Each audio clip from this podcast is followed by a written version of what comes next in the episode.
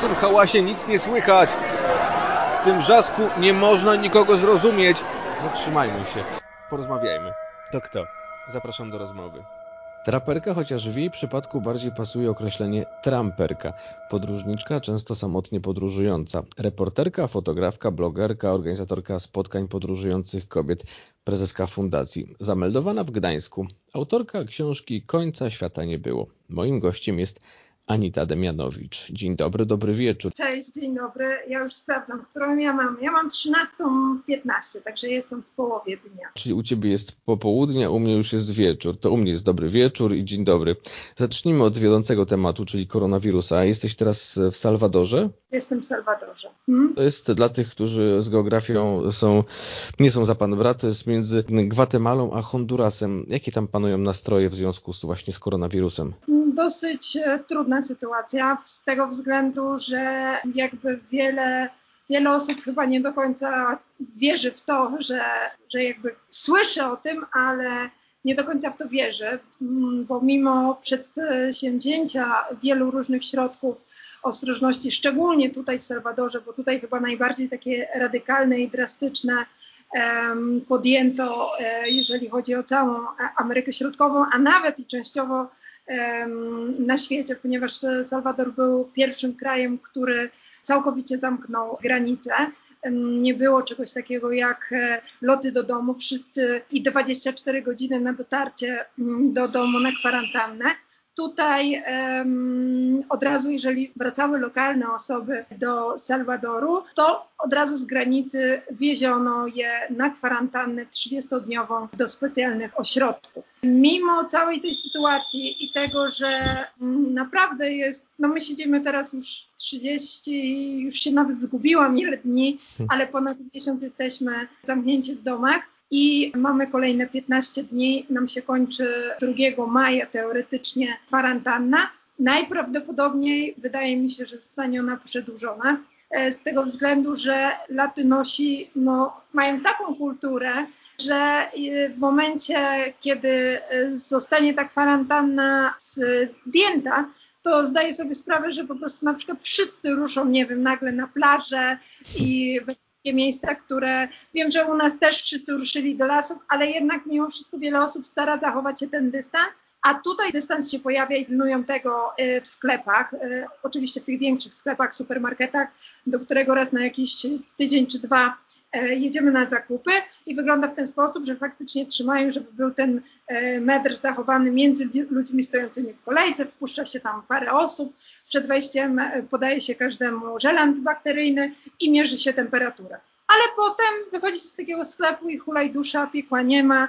E, w autobusającym e, do mojej miejscowości po prostu wszyscy siedzą jeden przy drugim, wielu wciąż nie używa maseczek, więc e, właściwie no, tak to wygląda, że na, że na co dzień mało kto e, trzyma się tutaj e, takich zasad tutaj na dzielni, że tak powiem, te kilka ulic, e, przy których mieszkamy, sąsiedzi e, nagle po miesiącu bycia w kwarantannie stwierdzili, że chyba coś z tym trzeba zrobić i zablokować ulice, na których mieszkamy, tak żeby nikt nie mógł wjechać, żeby na przykład samochody ze stolicy e, nie mogły przejechać, bo w stolicy jest najwięcej zarażeń. Ja patrzyłam na to po prostu z podziwem, bo oczywiście spotkali się wszyscy w 15 osób chyba i tam szli robić jakieś druty kolczaste, zablokowali nam wejście na plażę, bo mieszkamy 3 minuty gdzieś od plaży, na którą od miesiąca nie możemy pójść, bo policja inwigiluje na plaży i za złamanie kwarantanny wiozą od razu na 30 dni do ośrodka na przymusową kwarantannę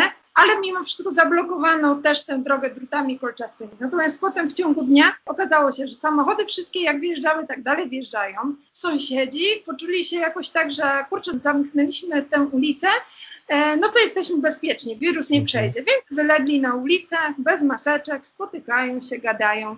I ja tak siedzę w tym domu, patrzę, co się dzieje przez te otwarte drzwi żeby, żeby po prostu był jakiś przewiew, patrzę i nie wierzę w to, co się dzieje. A nie czujesz takiego lęku przed, e, no właśnie, koronawirusem w Salwadorze? Nie wolałabyś być na przykład w Polsce, w Europie? Wolałabym być e, w Polsce z różnych względów, nie tylko takich, że jak zachoruję zresztą.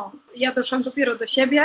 Myślę, że to było zapalenie oskrzeli a nie koronawirus. Objawy bardzo podobne, ale no, czuję się już e, znacznie lepiej po prawie tygodniu przeleżenia w łóżku i kurowania się brania antybiotyków, które całe szczęście ze sobą miałam na oskrzela, więc dlatego mówię, że pewnie to były zapalenie oskrzeli. Natomiast oczywiście pod takim względem e, jeżeli chodzi o służbę zdrowia, to ja się bardzo boję tutaj. Ja kompletnie nie ufam tutaj lekarzom z tego względu, że w każdej dziedzinie tak naprawdę Salwador jest e, dobre 20-30 lat do tyłu za Polską. Lekarze oczywiście tutaj są i ja trafiłam na przykład do szpitala mm, w Salwadorze, jak zwichnęłam kostkę. Lekarz przyszedł, e, popatrzył i powiedział od razu, żeby zapakować mi to w gips. Ja ten gips następnego dnia sama sobie ściągnęłam w końcu, stwierdziłam, że jest to niedorzeczne.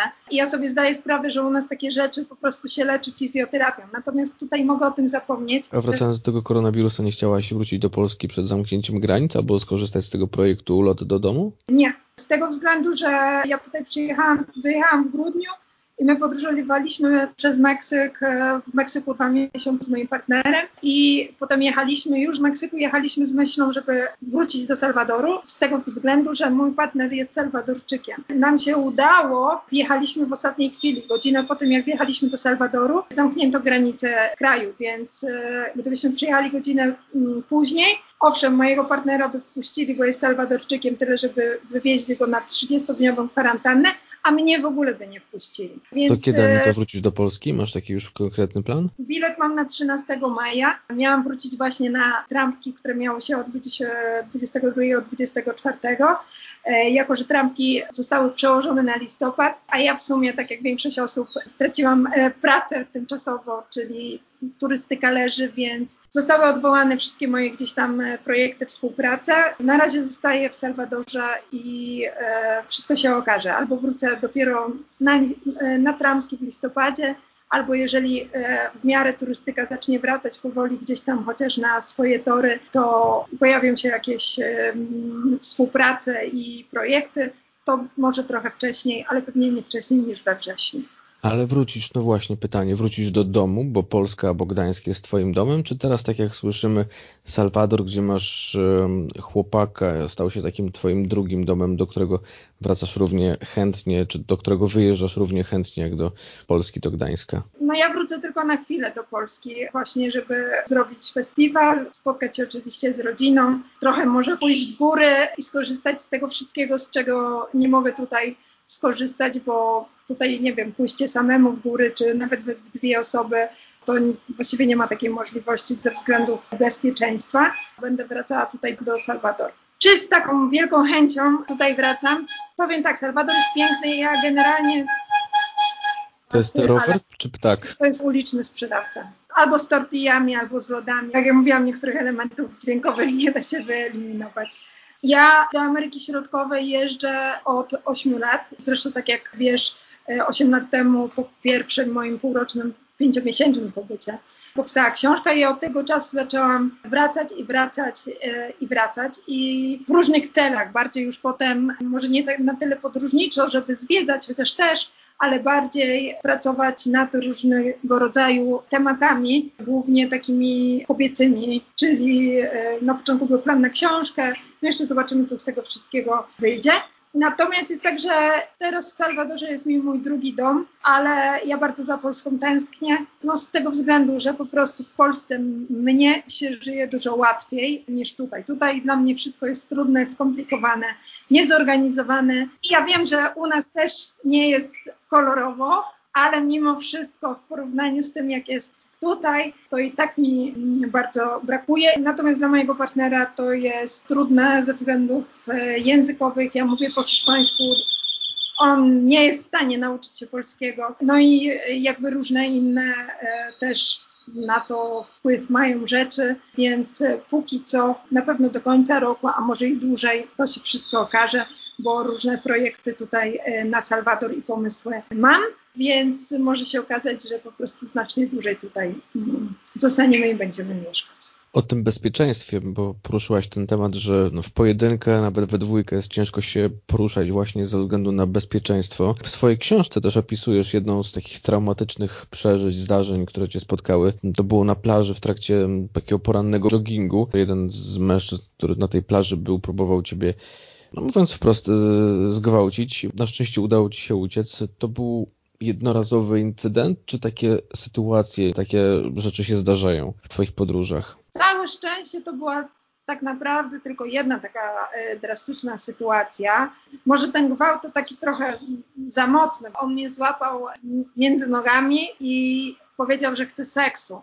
I ja wtedy uciekłam, więc jakby nie doszło do, do jakichś takich, e, że mnie powalił, nie wiem, rozebrał. Natomiast psychicznie ja to bardzo przeżyłam, ale takich drastycznych sytuacji już więcej w Ameryce Środkowej nie miałam. Poza takimi, które niestety tutaj się zdarzają, szczególnie w Gwatemali. Znaczy w ogóle w Ameryce Środkowej zaczepki są normalne, e, są raczej, bywają nachalne, ale zwykle bywają raczej tylko e, słowne czy wzrokowe, ale to jest bardzo takie uciążliwe również.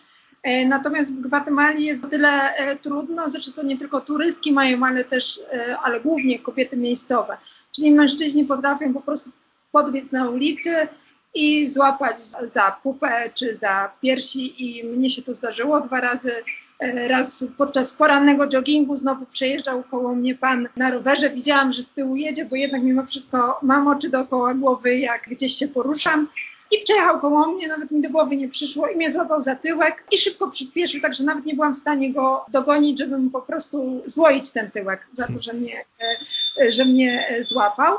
Więc to jest tutaj bardzo e, niestety częste, ale takich jakichś drastycznych bardziej sytuacji ja już całe szczęście nie miałam. W zeszłym roku razem z moim partnerem e, jechaliśmy rowerami z Panamy do Gwatemali. Oboje mieliśmy oczywiście, mimo że mój partner jest stąd jakby, to i tak no wie jak jest w jego kraju, więc zawsze jak szukaliśmy miejsca na rozbicie namiotu, no nie ma tak jak u nas. Po pierwsze, nie ma specjalnie pól namiotowych, może trochę w Panamie czy w Kostaryce, bo są jakby bardziej do przodu mhm. i no nie rozbijemy się gdzieś w krzakach, tak jakbym to zrobiła nielegalnie, ale w Polsce i czułabym się bezpiecznie. Tutaj jednak trzeba szukać miejsca, które jest zamknięte, żeby ktoś nas przyjął, a też nie każdy tutaj chce to zrobić. Także w różnych dziwnych miejscach spaliśmy. Czasami prosiliśmy w jakimś hotelu, żeby nam pozwolili rozbić się w ogrodzie, za co oczywiście normalnie trzeba było płacić. Spaliśmy nawet na granicy hondurasko-salwadorskiej, rozbici namiotem przy samej granicy już po stronie salwadorskiej i oboje mimo wszystko e, mieliśmy trochę cykora, jak to będzie w nocy, ale oczywiście obyło się też bez absolutnie żadnych przykrych przygód. Także odpukać wielu takich bardzo trudnych sytuacji całe szczęście nie miałam bezpieczna turystka. Chociaż ten rejon świata, do którego się mm, tak często wybierasz, to jest, e, sama zresztą to piszesz, jeden z najniebezpieczniejszych rejonów świata. Gwatemala, Honduras, Salwador. Tak się mówi i faktycznie wielu gdzieś, jak ja wyjeżdżałam pierwszy raz, to też przeglądałam 8 lat temu takie statystyki najniebezpieczniejszych krajów. Salwador był w pierwszej dziesiątce a ostatnio też gdzieś obiły mi się oczy informacje, że Salwador jest zaraz po Wenezueli jednym z krajów z najwyższą liczbą zabójstw. I faktycznie... E, Ale to no widać na ulicach? Dużo... Nie, absolutnie. Ja byłam w dzielnicach, właśnie to jest tak, że tego nie czuć. Ale im dłużej jesteś, im więcej wiesz i słyszysz, bo tutaj jest taka zasada, tutaj rządzą gangi i one faktycznie rządzą. I zasada jest taka słyszeć, widzieć, milczeć. Więc generalnie wiesz, ale nic nie mówisz i udajesz, że, że nie widzisz. Słynna zasada, im mniej widzisz, tym dłużej żyjesz. No, powiedzmy, że taka, bo ludzie tutaj starają się nie wtrącać. Tutaj przechodzą, bo nawet teraz e, jak jest kwarantanna, to nawet i członkowie gangu cierpią, e, no bo przecież jak wszystko jest zamknięte, to nie mają od kogo pobierać haraczy. W związku z tym też zostali bez środków do życia, muszą sobie jakoś radzić, więc e, codziennie tutaj przechodzi przez ulicę e, chłopak, który jest z gangu i sprzedaje chlebki, jakieś ciastka, które oni pieką jakby pokazując, że coś innego też potrafią zrobić. Ja ostatnio trafiłam na taką bardzo interesującą ciekawostkę, bo cały czas śledzę, co się dzieje tutaj w Ameryce Środkowej, w Gwatemali i na przykład w Gwatemali członkowie gangu, bo to są tutaj dwa gangi, Barrio 18 i Mara Salvatrucha i członkowie gangu Barrio 18, którzy siedzą w więzieniu, uszyli w ciągu 15 dni i przekazali do szpitali 5 tysięcy maseczek. Okazuje się, że potrafią być przydatni, zrobili to sami z siebie, podczas gdy były minister do spraw rozwoju społecznego wystawił e, na sprzedaż e, właśnie maseczki, rękawiczki lateksowe, mhm. wszystko to, czego brakuje, on zamiast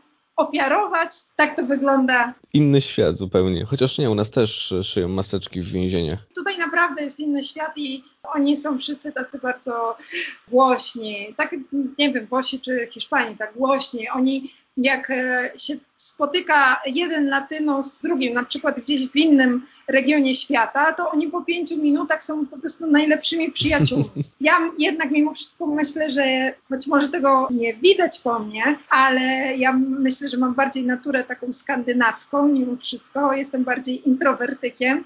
Więc mi tutaj czasami jest po prostu ciężko się odnaleźć e, w tej kulturze i jest inny świat, jakoś, jakoś się przystosować. Jest zupełnie inaczej, kiedy podróżujesz i kiedy ja jechałam i wiedziałam, że ja jadę na miesiąc, dwa, trzy, nawet na pięć miesięcy, a potem wracam do Polski, do siebie, a jest inaczej, kiedy e, tutaj mieszkasz i e, jest po prostu trudniej. Pierwsza twoja podróż, tak jak wspomniałaś, to był przełom 2012-2013 pięć miesięcy właśnie w Ameryce Środkowej, gdzie teraz jesteś. Napisałaś w swojej książce, że wyjechałaś bez znajomości języka, tego języka się mm, uczyłaś w szkole, ale co bardzo intrygujące, napisałaś, że rzuciłaś pracę przedstawiciela farmaceutycznego i właśnie ruszyłaś w ten wielki świat.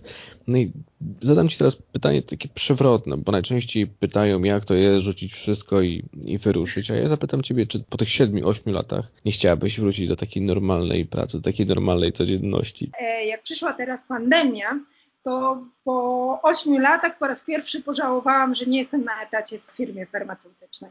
Ale no, no to dlatego, dlatego właśnie, że e, firmy farmaceutyczne to raczej nigdy nie zginą i kryzysów nigdy nie będą przeżywać, bo po prostu leki zawsze się będą sprzedawać. I pożałowałam e, z tego względu, że w moim przypadku, tak jak i no nie tylko w pracujących w turystyce, no dobrze wiem, że po prostu wszyscy padają, restauracje, kwiaciarnie, wszystko pada ale mnie się wydawało wcześniej i ta pandemia bardzo zrewidowała pogląd, myślę, wielu osób też mi podobnych, pracujących w turystyce. Ja myślałam, że robię dobrze, bo ja dywersyfikowałam jakby źródła dochodu, ale wszystko w zakresie tylko właśnie tej dziedziny turystycznej. I teraz się okazuje, że to wcale nie jest dobre, że jak dywersyfikować, to jakby wybrać sobie kilka różnych dziedzin. Pierwszy raz o tym pomyślałam, natomiast do czasów pandemii i tak naprawdę żartuję. I tak bym nie zamieniła i nie wróciłam. Boże, nie, nie wróciłam. Zawsze powtarzałam, że to była jedna z najlepszych decyzji, jaką w końcu podjęłam. I mimo, że praca na etacie dla kogoś, ja miałam bardzo wygodną pracę, bo ja pracowałam od poniedziałku do piątku. Ja musiałam wykonać swoje zadanie, więc nie miałam tak, że muszę siedzieć od 8 do 16 w biurze. Soboty, niedzielę miałam wolne, cały pakiet socjalny i wszystko wydawało się super ale ja nie jestem po prostu sprzedawcą. W związku z tym. E... Chociaż tak naprawdę podróżując, e, jesteś też e, reporterką, fotografką, o czym powiedziałem na samym początku, i też no, musisz siebie trochę sprzedawać. No właśnie, tylko wiesz, że ja my, taka byłam głupia i naiwna, że na początku myślałam, że teraz to jak ja rzucę tę pracę, to ja sobie będę podróżować, pisać i wreszcie będę robić to, co chcę, nie będę się musiała z nikim ścigać, nie będę musiała, nie będę numerkiem, mhm. tylko będę Anitą A się okazało, że w trakcie, że to jednak nie do końca tak jest, że nawet e, w podróżach jest konkurencja, musisz się umieć sprzedać, musisz znaleźć swoją niszę, musisz e, przekonać do siebie, więc tak naprawdę umieć się też sprzedać. Więc w sumie porównując okazuje się tylko, że ja na początku sobie nie zdawałam z tego sprawy, ale oczywiście teraz wiem, że tak jest. Natomiast sprzedaż mnie samej idzie mi znacznie lepiej niż sprzedaż leków. Ani to masz na swoim koncie, tak jak wyczytałem na twoim blogu, obie Ameryki, Europę, mhm. Azję, Afrykę. O Australii nie znalazłem informacji, czyli prawie masz wszystkie kontynenty zaliczone. A gdzie jeździsz najchętniej? Dużo mi brakuje. Mi naprawdę dużo brakuje z tego względu, że ja ostatnie 8 lat, jak zaczęłam podróżować do Ameryki Środkowej, to bardzo się na niej skupiłam, ale to też z takich względów, że ja jestem, oczywiście w bardzo wiele miejsc chciałabym pojechać, głównie fotograficznie, bo e, są, mam takie marzenia, jak na przykład Namibia, e, nie wiem, Antarktyka, żeby pojechać i tam po prostu porobić zdjęcia. Ciągniecie trochę do zimnych rejonów świata. Ja bardzo lubię zimne rejony. Znaczy ja lubię wszystkie, tak? Przyzwyczaiłam się, ale na przykład w tej chwili ja tak strasznie tęsknię za tym zimnym w Polsce, że po prostu no, nikt nie jest sobie w stanie wyobrazić. E, ja mnie upały takie temperatury 20-25 stopni, super, ale tak jak mam tutaj 35-40, wysoka wilgotność, e, także ja coś ubieram i po prostu za chwilę jestem mokra. mokra mhm. 24 godziny na dobę, właściwie wentylator chodzi, nie wiem czy go słyszysz, mam nadzieję, że po prostu nie byłabym w stanie rozmawiać bez tego wentylatora. Także y, mi dużo brakuje, ale z tego względu, że ja podróżowałam zawsze w ten sposób, odkąd pojechałam do Ameryki Środkowej i nauczyłam się języka hiszpańskiego, to wracałam tutaj właśnie z tego względu, bo ja nie należę do osób, które po prostu lubią jeździć, zaliczyć kolejny kraj i trochę zobaczyć tego, trochę tamtego. Ja jak gdzieś jadę, to ja lubię po prostu poznać ten kraj dogłębnie. Więc y, za pierwszym razem, jak się jedzie, to zwykle się poznaje te najbardziej turystyczne miejsca, a potem z mhm. czasem zaczyna gdzieś tam zagłębiać dany kraj, kulturę. Ja też dlatego nauczyłam się podczas pierwszej podróży hiszpańskiego, bo mi zależy na tym, żeby rozmawiać z ludźmi, bo z miejscowymi ludźmi rozmawiając najlepiej poznaje się miejscową kulturę. Dlatego tak zostało, że najchętniej jeździłam zawsze tutaj, żeby lepiej poznawać po prostu te kraje. Ale z takich innych to ja bardzo chętnie wracam i miałam taki plan, że jak przyjadę w maju do Polski, to w lipcu pojadę na przykład do Islandii, która jest tak pięknym fotograficznie krajem, wyspą, że mogę tam wracać i wracać. A propos powrotów, jest takie miejsce, do którego byś nigdy nie wróciła? Nie wiem, czy nigdy, ale najmniej chętnie chyba bym e, wróciła. No w wielu miejscach też nie, w wielu krajach też nie byłam, więc nie wiem, co by było, gdybym na przykład wybrała się do niektórych krajów afrykańskich albo do Indii, bo też e, różne opinie są ludzie, którzy Indię kochają, a są tacy, którzy nienawidzą. E, ja należę do tej drugiej grupy. No właśnie, jest wiele takich osób, więc może byłoby tak, że jak ja bym tam pojechała, to właśnie te Indie, przypuszczam, że tak. Ja nie lubię tych, i stąd też ta Ameryka Środkowa, Piotr, bo tutaj nie ma tak wielu turystów. Ja nie znoszę miejsc, w których jest masa turystów. I tak jak wspominałam, od grudnia mieszkałam dwa miesiące e, w Meksyku e, na Rywierze Maja, czyli tym najbardziej takim popularnym turystycznie, odwiedzanym przez miliony turystów rocznie regionie. I muszę powiedzieć, że aczkolwiek jest przepięknie tam i mogłabym nawet w tym mieście, w którym mieszkałam, zamieszkać, ale jakby totalnie z dala od tego całego centrum turystycznego, to po prostu jest tak wszystko skomercjalizowane, że ja wiele razy byłam w absolutnym szoku, bo nie jestem przyzwyczajona do takich krajów. Ja nie odwiedziłam Azji, nie byłam w Tajlandii, do której wszyscy Polacy jeżdżą, ale przypuszczam, że ja bym się na przykład tam nie za bardzo odnalazła, bo dlatego też 8 lat temu wybrałam Gwatemalę i Amerykę Środkową, aczkolwiek mogłam wybrać, wszyscy mi mówili, że na pierwszą samotną podróż, tak długą, ty sama jedna, lepiej jedzie do Tajlandii, bo tam jest bezpieczne, pomyślałam o tłumach Polaków tam i w ogóle turystów. To ja mówię, nie, ja jadę tam, gdzie nie będę po prostu na każdym kroku y, spotykała turystów. Najmniej z tych wszystkich chyba, myślę, to wróciłabym do Iranu, ale to z takich względów, y, że było mi to bardzo ciężko. Nie jechałam sama, ale brałam udział w projekcie. Jechaliśmy rowerami w pięć osób przez Iran i jechaliśmy przez Iran taki nieturystyczny i oczywiście ludzie byli fantastyczni. W życiu nie spotkałam się z taką gościnnością jak tam. I powiem szczerze, że po Iranie już to słowo, w ogóle gościnność nabiera zupełnie innego wymiaru. To już nigdzie chyba nie, czegoś takiego e, nie doświadczyłam. Ale jest to do tego stopnia, poza gościnnością, do tego, że po prostu wszyscy co chwilę nam zajeżdżali drogę, żeby sobie z nami zrobić zdjęcie. E, nagrywali nas, po prostu ja się czułam jak z, z Gwiazda filmowa. Ale bez pytania, to było, powiem, coś strasznego. I to była taka uprzejmość i gościnność. Przy opowieściach o Iranie zawsze mówię, i kota na śmierć można zagłaskać. Także e, ja się czułam tam jak taki zagłaskany na śmierć kot. W związku z tym chyba najmniej chętnie tam wróciłam. A propos tej gościnności, bo podróżowałaś też po Polsce, był taki projekt, e, którego się podjęłaś, e, jechałaś rowerem wzdłuż polskiej granicy, 3,5 tysiąca kilometrów w dwa miesiące, jeśli dobrze wyczytałem. To jaka jest ta właśnie ta Polska nasza?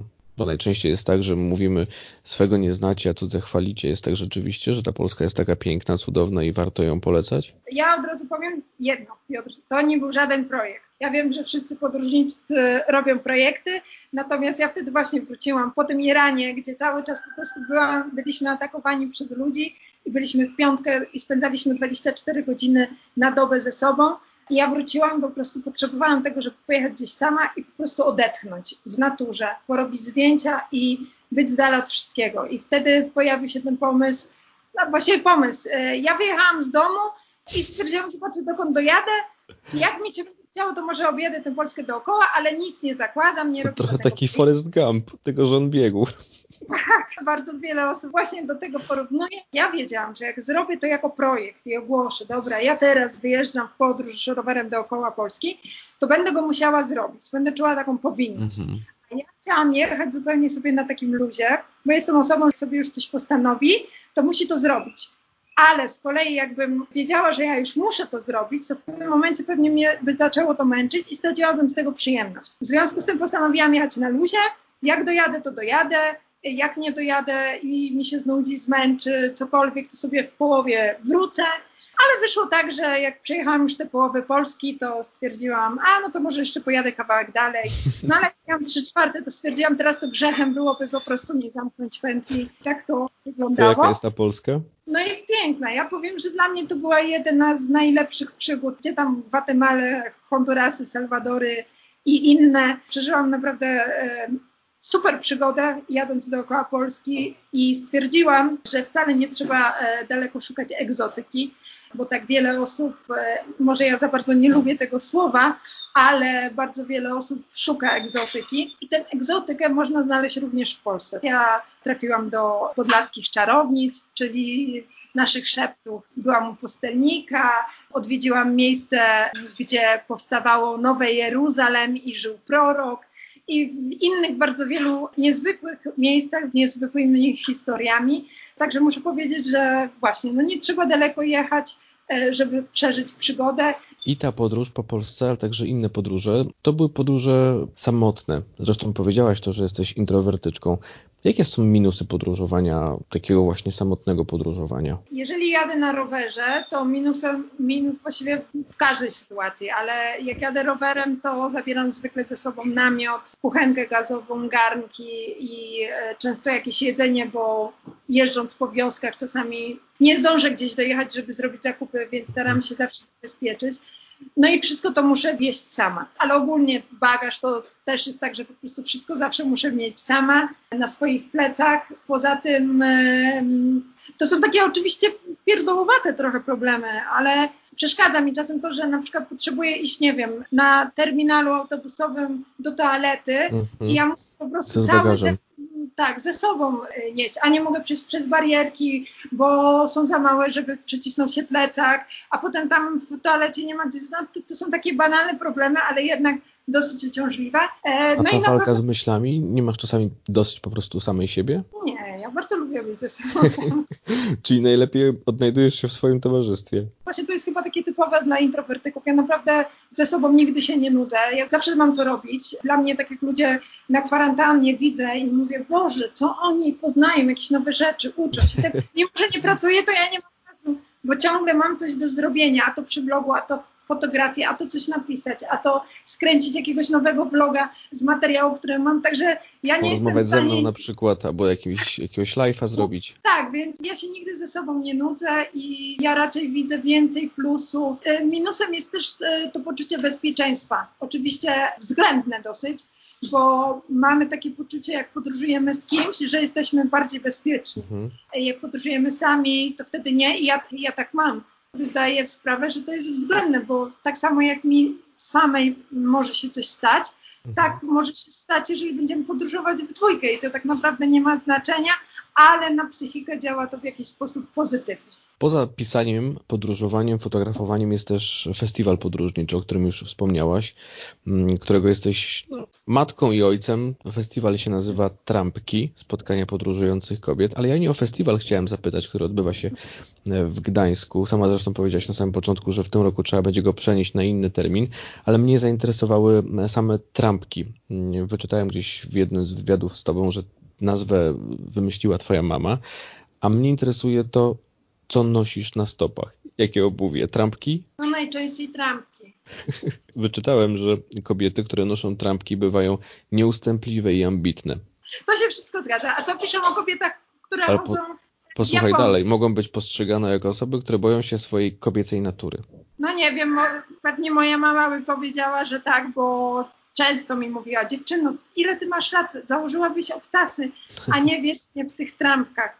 Nie, ja się nie boję kobiecości. Nawet chyba muszę powiedzieć, że w ostatnich latach, do czego mnie zmusił klimat, co najśmieszniejsze. Jestem może bardziej kobieca z tego względu, że właściwie cały czas chodzę w sukienkach, ale zostało to spowodowane klimatem, bo chodzenie w spodniach jest e, tutaj w Ameryce Środkowej, to jest najwygodniejsze. Także w związku z tym w końcu moja mama się cieszy, bo więcej ubieram sukienek ale ja raczej zawsze byłam chyba takim typem chłopczycy i ostatnio ktoś zwrócił na to uwagę. Anita, na wszystkich zdjęciach właśnie masz takie piękne sukienki, a ja cię pamiętam, glana zawsze, skóra, ćwieki, taki styl zawsze mi towarzyszył.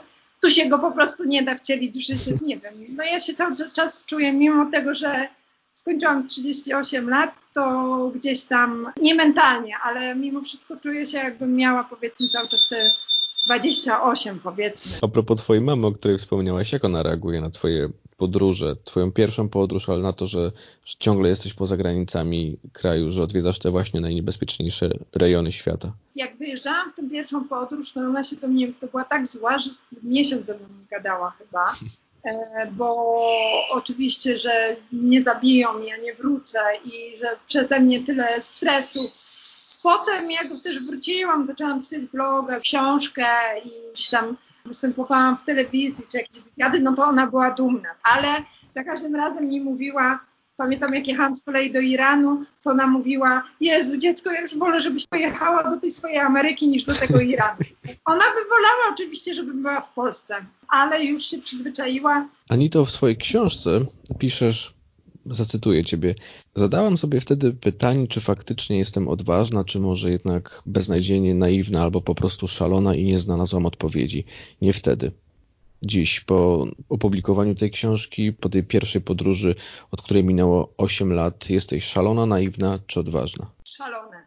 Odważna nie jestem, chociaż wszyscy właśnie mi zawsze piszą, czy mówią, Boże, bo ty jesteś taka odważna. A ja zawsze mówię, że wcale nie. Ja wielu rzeczy Wiadomo, jestem odważniejsza niż byłam kiedyś, a niż przed pierwszym wyjazdem, bo ten pierwszy wyjazd dał mi takie um, dużo większe poczucie własnej wartości i tego, co mogę zrobić. Natomiast e, ja zawsze mówię, że ja po prostu się boję tak samo jak wszyscy przed wyjazdem gdzieś do jakiegoś kraju, czy czasami jak tutaj jestem, może się poruszam bardziej swobodnie, nie oglądam się już za siebie cały czas, ale jednak mimo wszystko zdaję sobie sprawę z niebezpieczeństw, tylko że staram się po prostu nad tym strachem panować.